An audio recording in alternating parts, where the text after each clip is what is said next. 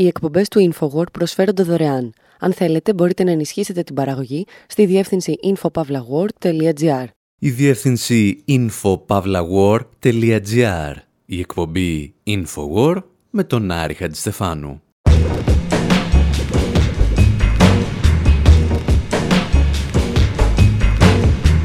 όπου σήμερα σορτάρουμε τις εταιρείες δημοσκοπήσεων. Ακούμε τραγούδια για ορισμένες από τις πιο αποτυχημένες προεκλογικές εκτιμήσεις στην ιστορία και αναρωτιόμαστε τι μπορεί να πηγαίνει τόσο στραβά κάθε φορά. Θυμόμαστε κάτι δημοσκόπους που ρώτησαν 10 εκατομμύρια ανθρώπους και πάλι έπεσαν έξω παρακολουθούμε έναν αυστριακό πολιτικό με απεχθές μαλλί να αγοράζει στιμένες δημοσκοπήσεις με χρήματα των φορολογούμενων και αναρωτιόμαστε, μα μπορεί να συμβαίνουν τέτοια πράγματα;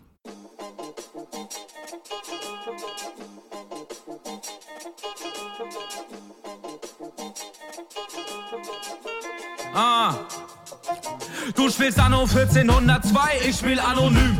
Wie oft bin ich im letzten Jahr vermummt gerannt auf Bühnen? Oh, Millidenz geht um und der Plumpsack wird verprügelt. Ich hab Spaß, mach was ich liebe und der Umsatz ist nicht übel. Tanze Sumba nicht, ich prügel mit den Füßen das Parkett. Begrüße deine Gang, Tag ihr Süßen, was ist jetzt? War in Amsterdam in jedem zweiten Blütenfachgeschäft und trotzdem in fünf Museen. Ich bin ein übelst krasser Mensch, mach nicht den Dübel nass, du Sven. Die Meute kippt am Strand, ich betrachte deine Einheit und denk, Leute, schick das an. Mir kommt die Freundlichkeit abhanden, ihr beträufelt euch mit Schande. Du bist wieder Single, deine Freundin hat's erkannt. Alle posen in Prototypen, Autos mit Breitreifen. Doch Toyota hat wirklich sehr gute Motorlaufzeiten. Immer schön auf dem Boden bleiben. WTG heißt wahre Zeilen, Tateinheit mit maßgeschneiderter Instrumentalbegleitung. Und notwendige Todesbotschaften per Flau verbreiten. Mein soziologisches Gutachten sagt, es geht so nicht weiter. Hol die Leiter, wir schauen selbst nach, was los ist im Ballsaal, um dann doch nur festzustellen, wir wollen da oben nicht sein. Oh nein, wir wollen da oben nicht sein. Ihr seid für den roten Teppich, wir fürs Toben gekleidet.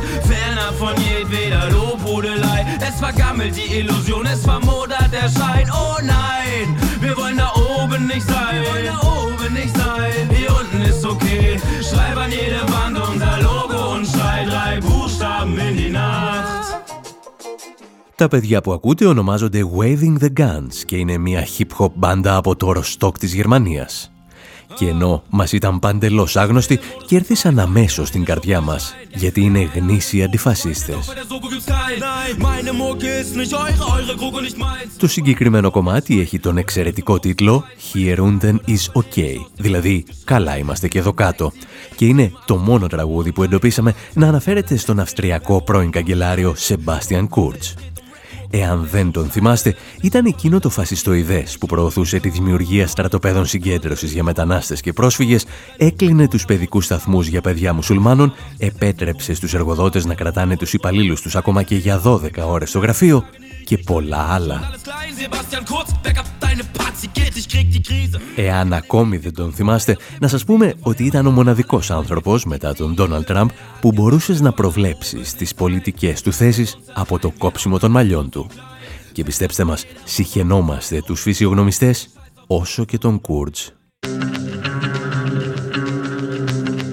Σε ό,τι μας αφορά σήμερα όμως, ο Κούρτς υπήρξε ο καγκελάριος που κατηγορείται ότι χρησιμοποιούσε χρήματα των φορολογούμενων για να δωροδοκεί ορισμένες από τις μεγαλύτερες εφημερίδες της χώρας ώστε να εκθιάζουν την πολιτική του. Και επειδή αυτό δεν του έφτανε, κατηγορείται επίσης ότι έστεινε δημοσκοπήσεις. Και όλα πήγαιναν καλά για αυτόν μέχρι τη στιγμή που συνέλαβαν τη δημοσκόπο της καρδιάς του. An opinion poll researcher has reportedly been arrested amid allegations she played a role in the corruption. Μία ερευνήτρια προεκλογικών δημοσκοπήσεων φέρεται να συνελήφθη για το ρόλο που έπαιξε στο σκάνδαλο διαφθοράς. Η Σαμπινέ Μπάινσχαμπ πιστεύεται ότι διέγραψε το περιεχόμενο του σκληρού δίσκου στον υπολογιστή της λίγο πριν πραγματοποιηθεί η έρευνα από την αστυνομία. Οι έρευνες αφορούν στημένες δημοσκοπήσεις, οι οποίες παρουσίαζαν με ιδιαίτερα θετικό τρόπο τον πρώην καγκελάριο Σεμπάστιαν Κούρτ. Στη συνέχεια, οι συγκεκριμένες δημοσκοπήσεις παρουσιάζονταν σε free press με αντάλλαγμα κρατική χρηματοδότηση. These polls then appearing in a free newspaper in exchange for government funds. Είμαστε βέβαιοι ότι το γεγονός πως ένας πολιτικός πλήρωνε με δημόσια χρήματα μέσα ενημέρωσης για να δημοσιεύουν στημένες δημοσκοπήσεις σας έχει αφήσει άφωνος γιατί δεν είχε περάσει ποτέ από το μυαλό σας ότι μπορεί να συμβαίνουν τέτοια πράγματα. Η συγκεκριμένη ιστορία όμως έχει και μία ακόμη χαριτωμένη λεπτομέρεια που έγινε λιγότερο γνωστή. Προκειμένου η Binds Hub να πληρώνεται για τις στιμένες δημοσκοπήσεις της, κατέθετε τιμολόγια για έρευνες κατά της διαφθοράς που υποτίθεται ότι θα παρέδιδε στο Υπουργείο Οικονομικών.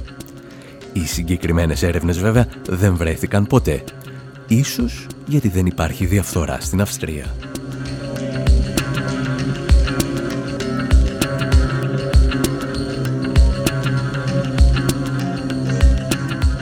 Η περίπτωση των δημοσκοπήσεων που παρέγγελνε ο Κούρτς για τον εαυτό του αποτελούν μια κραυγαλαία περίπτωση απάτης. Σήμερα όμως θέλουμε να εξετάσουμε εκείνες τις περιπτώσεις όπου οι δημοσκόποι έδιναν λάθος εκτιμήσεις χωρίς ίσως να το θέλουν γιατί φορούσαν λάθος ταξικά γυαλιά. Και μιλώντας για αποτυχημένες δημοσκοπήσεις είμαστε υποχρεωμένοι να επιστρέψουμε στο 1936.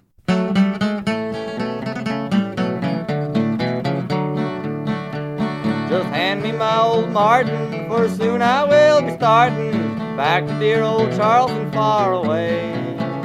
Since Roosevelt's been reelected, will not be neglected. We've got Franklin D. Roosevelt back again. Back again. Back again. Back again. Back again. We've got Franklin D. Roosevelt back again. Since Roosevelt's been elected, moonshine liquor's been corrected. We've got legal wine, whiskey, beer, and gin.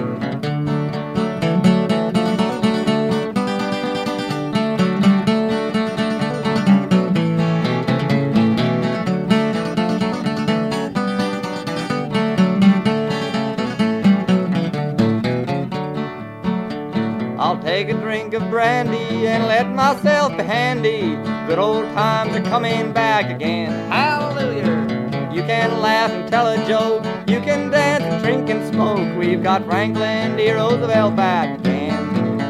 Back again. Back again. Back again. Back again. We've got Franklin D. Roosevelt back again. We'll have money in our jeans. We can travel with the Queen. We've got Franklin D. Roosevelt back again. Τα παιδιά στα μικρόφωνα είναι οι New Lost City Ramblers, δηλαδή οι νέοι περιπατητές της χαμένης πόλης. Εκτός αν είναι οι περιπατητές της νέας χαμένης πόλης. Το μόνο βέβαιο είναι ότι πρόκειται για ένα συγκρότημα της δεκαετίας του 1950 που αναβίωνε τραγούδια και μουσικούς σκοπούς της δεκαετίας του 1930 Εξού και το συγκεκριμένο τραγούδι, το οποίο αναφέρεται στην επανεκλογή του Φραγκλίνου Ρούσβελτ στις προεδρικές εκλογές του 1936. Εκτός αν αναφέρεται στη δεύτερη επανεκλογή του το 1940.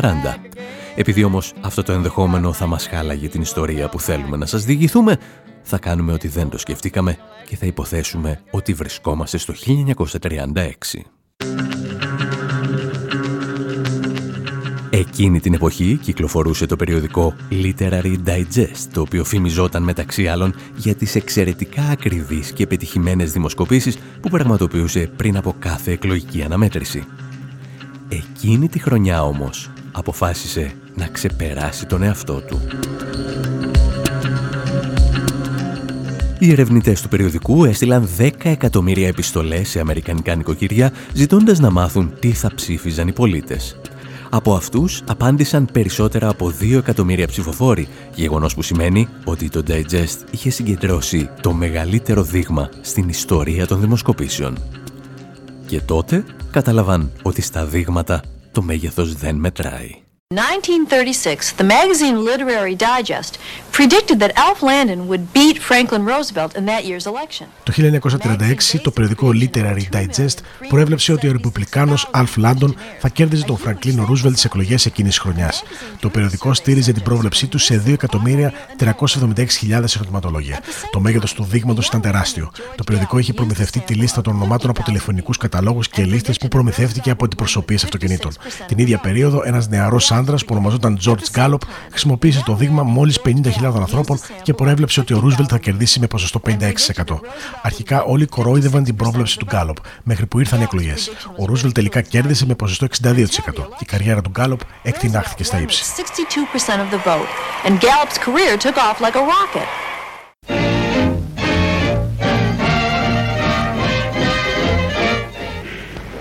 President Roosevelt was cheery as ever when he went into the booth to record his own vote. And a few hours afterwards his optimism was justified, as the former president was returned again with the biggest majority ever known in American politics. Όπως μετέδιδαν και τα επίκαιρα της εποχής, ο Ρούσβελτ όχι μόνο κέρδισε τις εκλογές, αλλά είχε την μεγαλύτερη πλειοψηφία στην ιστορία των Ηνωμένων Πολιτειών. Ο αντίπαλός του, ο Αλφ Λάντον, όχι μόνο ιτήθηκε, αλλά ταπεινώθηκε, κερδίζοντας μόνο σε δύο πολιτείες, το Μέιν και το Βερμόντ. Περισσότερο όμως είχαν ταπεινωθεί οι δημοσκόποι του περιοδικού Literary Digest. Τα εξηγούσε και πάλι το ντοκιμαντέρ Against All Odds. The problem with the Literary Digest sample was το πρόβλημα με το Literary Digest ήταν ότι το δείγμα παρτιζόταν από αυτού που είχαν χρήματα να αγοράσουν αυτοκίνητα και συσκευέ τηλεφώνου. Και εκείνη την εποχή αυτοί οι άνθρωποι αποτελούσαν πολύ μικρό τμήμα του πληθυσμού. Η δημοσκόπηση δεν κατάφερε να καταγράψει τα κυρίαρχα συναισθήματα υπέρ του Ρούσβελτ ανάμεσα στου ψηφοφόρου με χαμηλότερα εισοδήματα. Με τη λάθο επιλογή του δείγματο έχασε ένα τμήμα του πληθυσμού. Πρόκειται λοιπόν για ένα παράδειγμα στατιστικού σφάλματο. So it's an example of bias. Ακόμη λοιπόν και αν δεχθούμε ότι το περιοδικό δεν είχε πρόθεση να εξαπατήσει το κοινό του, η δημοσκόπηση που πραγματοποίησε είχε μια ταξική προκατάληψη. Ζήτησε τη γνώμη των πιο εύπορων στρωμάτων που είχαν τηλέφωνα και αυτοκίνητα.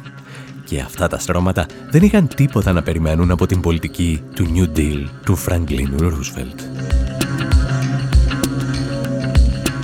Για την ιστορία, το αποτέλεσμα των εκλογών έριξε το περιοδικό σε τέτοια επίπεδα ανυποληψίας, ώστε έκλεισε λίγα χρόνια αργότερα.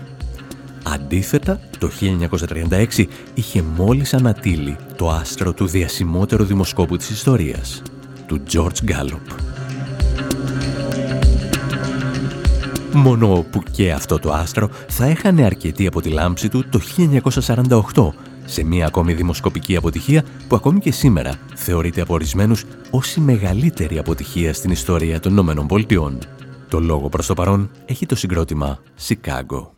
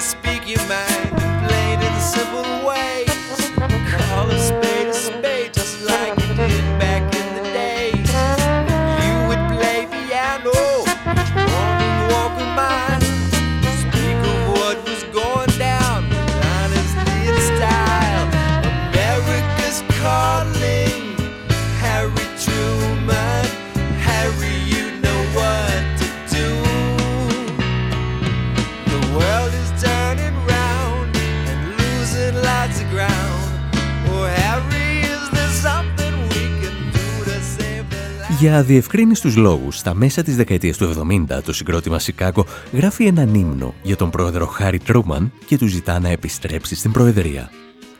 Το τραγούδι γράφεται αμέσως μετά την παρέτηση του Ρίτσαρντ Νίξον, δηλαδή σε μια στιγμή αδυναμίας, όπου ο καθένας φάνταζε ικανότερος να αναλάβει την προεδρία των Ηνωμένων Πολιτειών. Είναι, βλέπετε, αυτή η συνήθεια των ανθρώπων να ξεχνούν μέσα σε λίγα χρόνια πόσο κακή ήταν η προηγούμενη. Ο Τρούμαν όμως ήταν ο χειρότερος όλων. Είναι ο μόνος πρόεδρος των Ηνωμένων Πολιτειών στον 20ο αιώνα που δεν κατάφερε να μπει σε ένα πανεπιστήμιο. Ήταν γενικά περιορισμένων ικανοτήτων, ακραίος ρατσιστής, μέγας ψεύτης και ένας από τους μεγαλύτερους εγκληματίες πολέμου στην ιστορία της ανθρωπότητας. Ήταν ο άνθρωπος που έριξε τις πρώτες ατομικές βόμβες εναντίον αμάχων. Η σημερινή μας ιστορία όμως γράφεται το 1948, όταν ο Τρόμαν διεκδικεί την επανεκλογή του στις προεδρικές εκλογές απέναντι στον Ρεπουμπλικάνο Τόμας Ντιούι. Και όλοι οι δημοσκόποι συμφωνούν ότι η νίκη του Ντιούι είναι αδιαμφισβήτητη. Αυτή τη φορά το δείγμα που έχουν χρησιμοποιήσει είναι σωστό. Οι δημοσκόποι όμως τεμπελιάζουν σχεδόν δύο μήνες πριν ανοίξουν οι κάλπες, σταματούν τις ερευνές τους, θεωρώντας ότι δεν υπάρχει τίποτα που να μπορεί να ανατρέψει τις ισορροπίες σε τόσο σύντομο χρονικό διάστημα.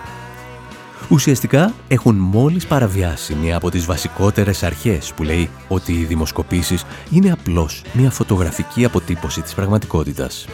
Συνεπώς, αν κάνεις κλικ λίγο αργότερα, ενδέχεται να βγάλεις μία εντελώς διαφορετική φωτογραφία.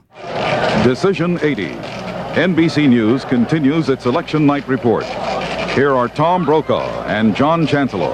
It's a huge win for Ronald Reagan, much bigger than he himself had thought as when he talked... Οι δημοσκόποι στις Ηνωμένες Πολιτείες θα συνεχίσουν πάντως να πέφτουν σε λάθη σε πάμπολες εκλογικές αναμετρήσεις.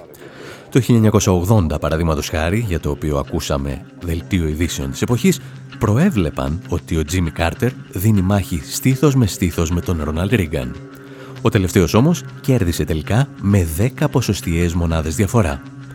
Για άλλη μια φορά, οι εταιρείες δημοσκοπήσεων απέτυχαν να προβλέψουν εξελίξεις της τελευταίας στιγμής, όπως ήταν η ομοιρία των Αμερικανών διπλωματών στην Τεχεράνη και η αδυναμία του Κάρτερ να τους απελευθερώσει.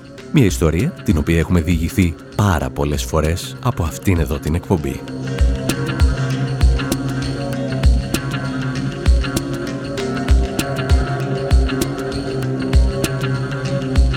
Οι δημοσκόποι λοιπόν μπορεί να παρουσιάσουν λάθος αποτελέσματα για εκατοντάδες διαφορετικούς λόγους. Όπως εξηγούσε ο καθηγητής επικοινωνίας Joseph Campbell, κανένα λάθος δεν είναι μάλιστα το ίδιο με το προηγούμενο. Κάποιοι από τους δημοσκόπους είναι κοινοί απατεώνες και παρουσιάζουν στημένες δημοσκοπήσεις. Κάποιοι κάνουν λάθος ταξική ανάλυση όταν στείνουν το δείγμα τους και κάποιοι άλλοι είναι τεμπέληδες ή, για την ακρίβεια, δεν επενδύουν τα χρήματα που απαιτούνται για μια τόσο σύνθετη διαδικασία. Και οι τρεις αυτοί παράγοντες όμως αποτελούν εν τέλει μια πολιτική απόφαση. Αν δηλαδή θα πεις ψέματα, αν φοράς λάθος ταξικά γελιά ή αν δεν πληρώνεις αρκετά για να μάθεις την αλήθεια, θα πέσεις στο λάθος. Και αυτά τα λάθη που ξεκίνησαν το 1936 με την επικράτηση του Ρούσβελτ θα συνεχίζονται έως ότου αποδεχθούμε ότι οι δημοσκοπήσεις είναι μια πολύ σοβαρή υπόθεση για να την αφήνει σε ιδιωτικές εταιρείες. Κάποιοι πρέπει να πάνε φυλακή και κάποιοι πρέπει να δουν τα μαγαζιά τους να κλείνουν, όπως θα συνέβαινε με κάθε αποτυχημένη επιχείρηση. Όσο για την Ελλάδα, οι εκλογές του Μαΐου του 2023 θα κρίνουν εάν οι εταιρείες δημοσκοπήσεων θα σπάσουν το σερί της αποτυχίας που τις χαρακτηρίζει εδώ και πάρα πολλά χρόνια. Αποτυχίες για τις οποίες κανένας δεν πληρώνει το τίμημα. Περισσότερα για τον μαγικό και απατηλό κόσμο των δημοσκοπήσεων μπορείτε να διαβάσετε και στο βιβλίο «Προπαγάνδα και παραπληροφόρηση» που κυκλοφορεί από τις εκδόσεις «Τόπος». Προς το παρόν όμως, ξέρετε, μένετε εδώ γιατί έχουμε και συνέχεια.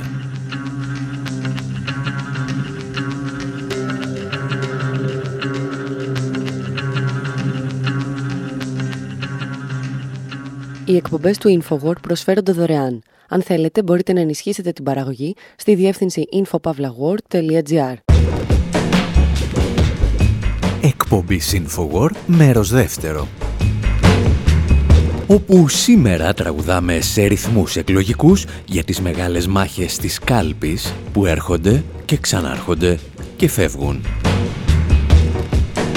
Ακούμε τραγουδάκια εύθυμα και λιγότερο εύθυμα που γράφτηκαν για κάποια εκλογική αναμέτρηση και καλλιτέχνες που μετάνιωσαν για αυτό που ψήφισαν ή που δεν ψήφισαν. Υποψιαζόμαστε ότι ενώ στο παρελθόν ο κόσμος αισθάνονταν θλίψη όταν το κόμμα του έχανε τις εκλογές, σήμερα ενδέχεται να παραμένει σκυθροπός και όταν το κόμμα του κερδίζει τις εκλογές.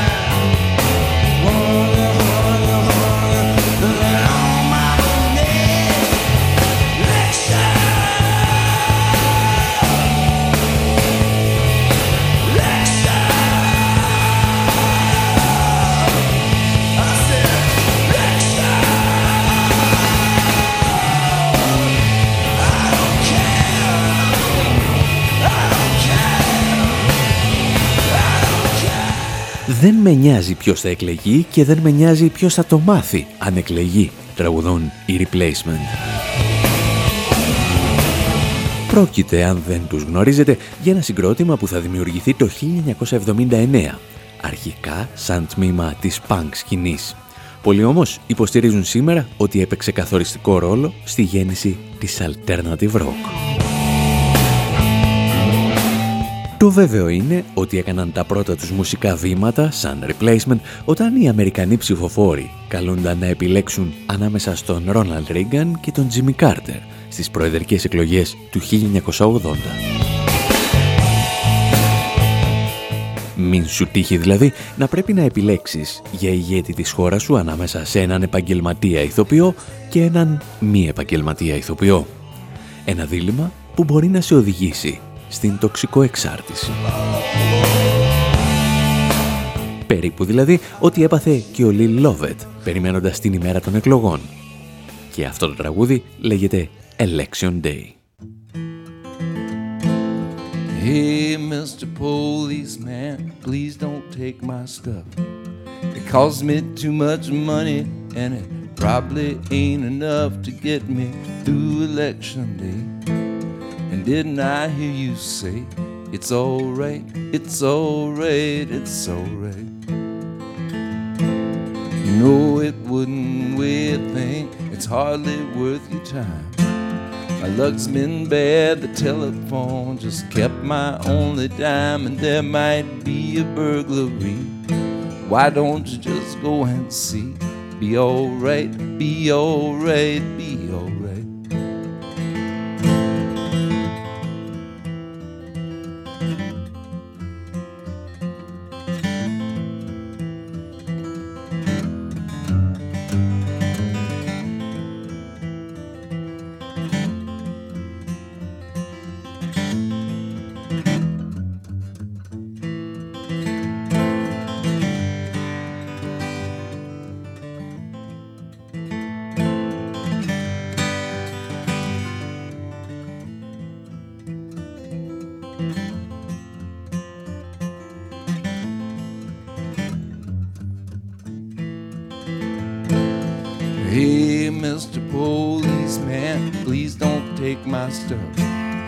Cost me too much money, and it probably ain't enough to get me through election day. And didn't I hear you say, it's alright, it's alright, it's alright. Hey, Mr. Policeman, please don't take my stuff. It costs me too much money, and it probably ain't enough to get me through election day. And didn't I hear you say, it's alright, it's alright, it's alright. Hey, Mr. Policeman, please don't take my stuff. It costs me too much money, and it probably ain't enough to get me through election day. And didn't I hear you say, it's alright, it's alright, it's alright. «Κύριε Πολιτσμάνε μου», τραγουδά ο Λόβετ, «μη μου πάρεις τα ναρκωτικά μου. Μου στήχησαν πολλά χρήματα και πιθανότατα δεν θα μου φτάσουν για να αντέξω μέχρι την ημέρα των εκλογών». Για τον Λι Λίβετ, που μάλλον δεν θυμάστε ποιος είναι, αλλά θα τον θυμηθείτε αν τον δείτε, δεν έχουμε και πολλά να σας πούμε. Το γεγονός μάλιστα ότι έχει τραγουδήσει τρεις φορές στο Λευκό Οικό επί προεδρίας Κλίντον, Μπούς και Ομπάμα τον κάνει ακόμη πιο ανυπόφορα βαρετό στα μάτια μας και στα αυτιά μας. Και γι' αυτό προχωράμε στο τρίτο τραγούδι της ημέρας, το οποίο δεν λέγεται Election Day όπως τα δύο προηγούμενα, αλλά Election Night. Και αν είχατε μια μικρή προεκλογική ή μετεκλογική κατάθλιψη, ανάλογα με το πότε ακούτε την εκπομπή, αυτό το τραγούδι μπορεί να σας αποτελειώσει.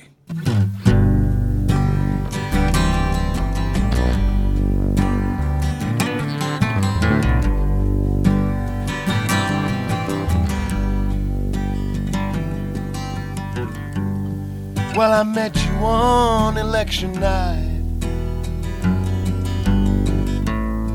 As we cried over our beer. Nothing you could do would cheer me up. We broke up later that year. Well, how come you and I aren't winners? Yeah. Why weren't we born the other side?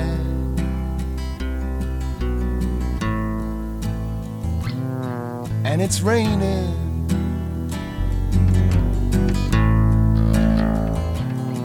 And it's raining on election night.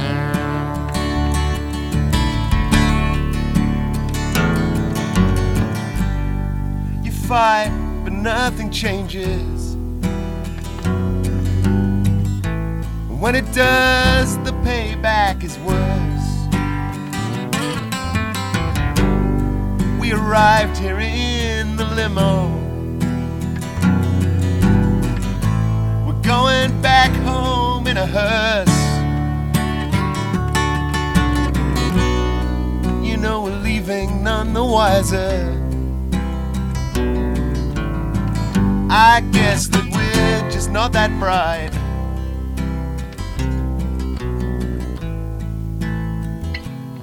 So I'll see you.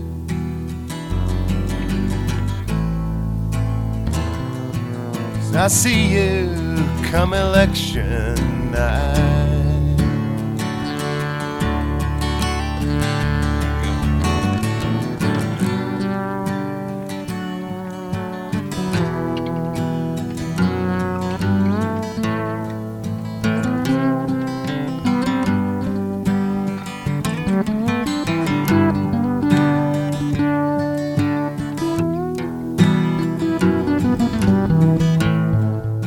Σε γνώρισα, λέει το Election Night, το βράδυ των εκλογών, καθώς κλαίγαμε μαζί πάνω από μία μπύρα. Ήμασταν ιτημένοι και έβρεχε. Παλεύεις και παλεύεις και δεν καταφέρνεις τίποτα, συνεχίζει ο τραγουδιστής. Και αν καμιά φορά τα καταφέρεις, το αποτέλεσμα είναι ακόμη χειρότερο. Πρόκειται δηλαδή για μια διαφορετική διατύπωση από τον περίφημο νόμο του Μέρφυ, πως ό,τι μπορεί να πάει στραβά θα πάει και αν δεν πάει θα ήταν πολύ καλύτερα αν είχε πάει. Ο τραγουδιστής, αν είστε λάτρεις των μικρών ασήμαντων λεπτομεριών, λέγεται Wesley Stace, αλλά παρουσιάζεται σαν John Wesley Harding, όπου John Wesley Harding λεγόταν ένα άλμπουμ του Bob Dylan προς τιμήν του Αμερικανού φυγά Wesley Harding. Το πρόβλημα είναι ότι ο Dylan έγραψε λάθος το όνομα του Harding στο εξώφυλλο του δίσκου προσθέτοντας ένα τελικό G. Για αυτό ο Wesley Stace που παρουσιάζεται ως John Wesley Harding ονόμασε το δικό του άλμπουμ Dylan Blob. Και αν αυτή δεν ήταν η πιο άχρηστη πληροφορία που έχετε ακούσει την τελευταία δεκαετία από αυτήν εδώ την εκπομπή, δεν ξέρουμε τι άλλο να σας πούμε. Παραμονή εκλογών. Θα μπορούσαμε ίσως να σας πούμε ένα ακόμη τραγούδι με τις ίδιες ανησυχίες με εμάς. Οι The Foreman αναρωτιούνται τι έκανες την ημέρα των εκλογών.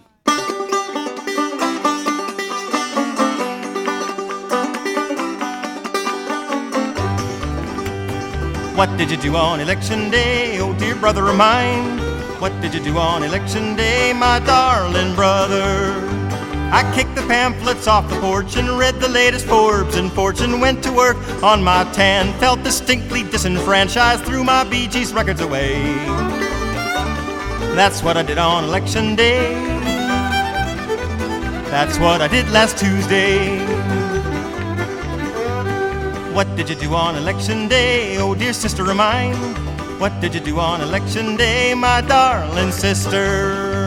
I met the girls at the courts, wrote a note to Arnold Schwarzenegger, caught up on my soaps, pinched my cheeks and dashed my hopes, threw my sample ballot away. That's what I did on election day.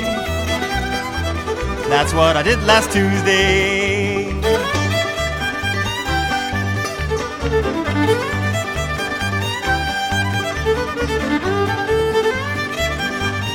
What did you do on election day, oh dear father of mine?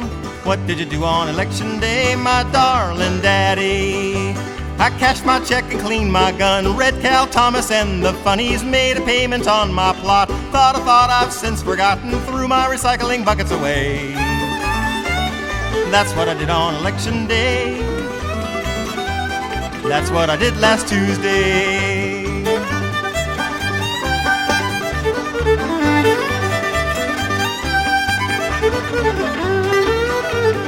What did you do on election day, oh dear cousin of mine? What did you do on election day, my distant cousin? I voted. I voted yes on ABC, no on WXYZ. Tore my stub, drove home, and then back to the polls and voted again. And again and again. Once for everyone who stayed away. That's what I did last Tuesday. Otherwise, a real slow news day. Ο τραγουδιστής των The Foreman, που ήταν ένα σατυρικό συγκρότημα από το Λος Άντζελες, ρωτάει όλους τους συγγενείς και φίλους τι έκαναν την ημέρα των εκλογών. Ο αδερφός του, λέει, πέταξε τη συλλογή του με δίσκους των Bee Gees και πήγε στο γραφείο του. Η αδερφή του βγήκε με τις φίλες της και παρεπιπτόντος έστειλε εκεί μια επιστολή στον Άρνολτ Σβάτζενέκερ. Ο πατέρας του από την άλλη γέμισε το περιστροφό του και πέταξε κάτι παλιά χαρτιά στον ειδικό κάδο ανακύκλωσης. Τη λύση έδωσε τελικά ένας μακρινός ξάδερφος, ο οποίος πήγε να ψηφίσει. Και επειδή κανένας άλλος από την οικογένεια δεν το είχε κάνει, ξαναπήγε και ξαναπήγε για να ξαναψηφίσει. Απόδειξη ότι πάτε δεν πάτε, κάποιος θα φροντίσει να βγουν αυτοί που πρέπει να βγουν. Και επειδή όλα αυτά τα τραγούδια από μόνα τους μας οδηγούν σε μια ελαφρά αμφισβήτηση της αποτελεσματικότητας της σύγχρονης αστικής δημοκρατίας, σκεφτόμαστε να απευθυνθούμε στους ειδικούς της αμφισβήτησης. Συγκροτήματα όπως η Pearl Jam και η Champa Wamba.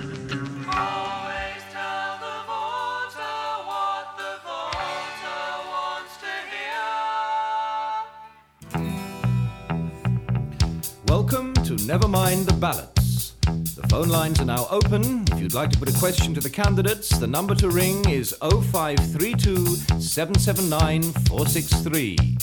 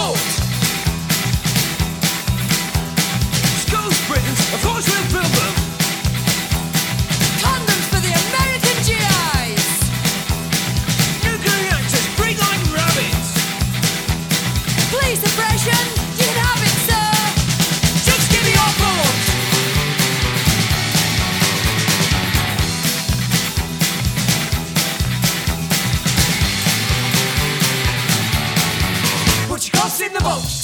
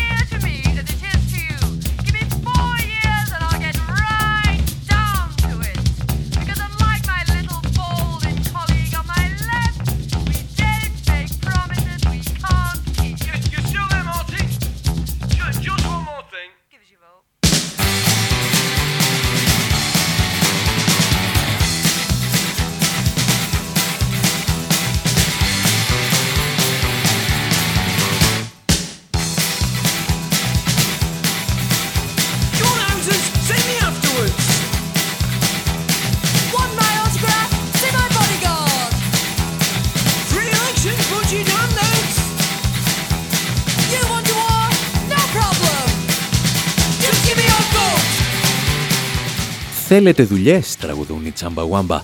Θα σας δώσω δουλειές. Θέλετε νοσοκομεία; Θα σας φτιάξω. Θα κόψω τους φόρους στις μικρές επιχειρήσεις και θα σας μοιράσω παπούτσια πλατφόρμες. Μόνο δώστε μου την ψήφο σας. Θέλετε σχολεία, φυλακές, θα σας τα χτίσω. Θέλετε προφυλακτικά για τους Αμερικανούς στρατιώτες, θα μοιράσουμε. Θέλετε πυρηνικούς αντιδραστήρες και αστυνομική βαναυσότητα, θα σας την φέρουμε. Απλώς δώστε μας την ψήφο σας. Οι Τσαμπαγουάμπα θα γράψουν το συγκεκριμένο τραγούδι στη δεκαετία του 80 και για την ιστορία θα το κυκλοφορήσουν σε κασέτα. Για όσους θυμάστε τι είναι κασέτα. Η κασέτα των Τσαμπαουάμπα ήταν μονοθεματική. Ήταν δηλαδή στο σύνολό της αφιερωμένη σε εκλογικές διαδικασίες. Και όπως μπορείτε να υποθέσετε, την διέπνε μια απεσιοδοξία για το ενδεχόμενο να αλλάξουν τα πράγματα μέσω των διαδικασιών της αστικής δημοκρατίας. Πιθανότατα για αυτόν ακριβώς το λόγο, το t-shirt που κυκλοφόρησε αργότερα για το άλμπουμ έγραφε με κεφαλαία γράμματα «Οι κάλπες δεν πρόκειται να αλλάξουν τίποτα, ο αγώνας συνεχίζεται». Και φυσικά παραλείψαμε να σας πούμε ότι ο τίτλος του άλμπουμ είναι «Never mind the ballots». Μην ασχολείσαι με τις κάλπες. Μια παράφραση του περίφημου «Never mind the bollocks» των Sex Pistols. Όπου bollocks είναι τα ανδρικά «Never mind». Και επειδή τα παιδιά έκαναν τόση δουλειά να αφιερώσουν ένα ολόκληρο άλμπουμ στις εκλογές, λέμε να ακούσουμε ένα ακόμη κομματάκι. Για εκείνες τις στιγμές που οι υποψήφοι, λέει, τα βρίσκουν μεταξύ τους.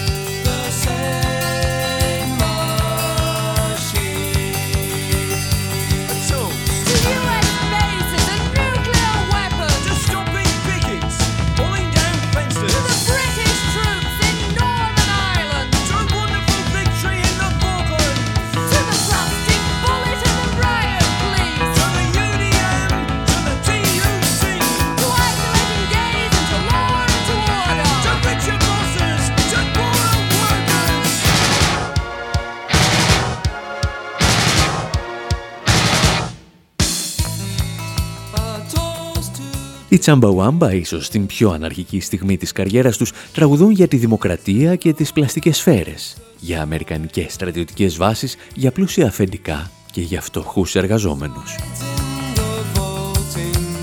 Η ιστορία όμως προχωρά και πρέπει να ακούσουμε ένα ακόμη τραγούδι σταθμό για τις εκλογικές αναμετρήσεις. Η Radiohead στο Electioneering.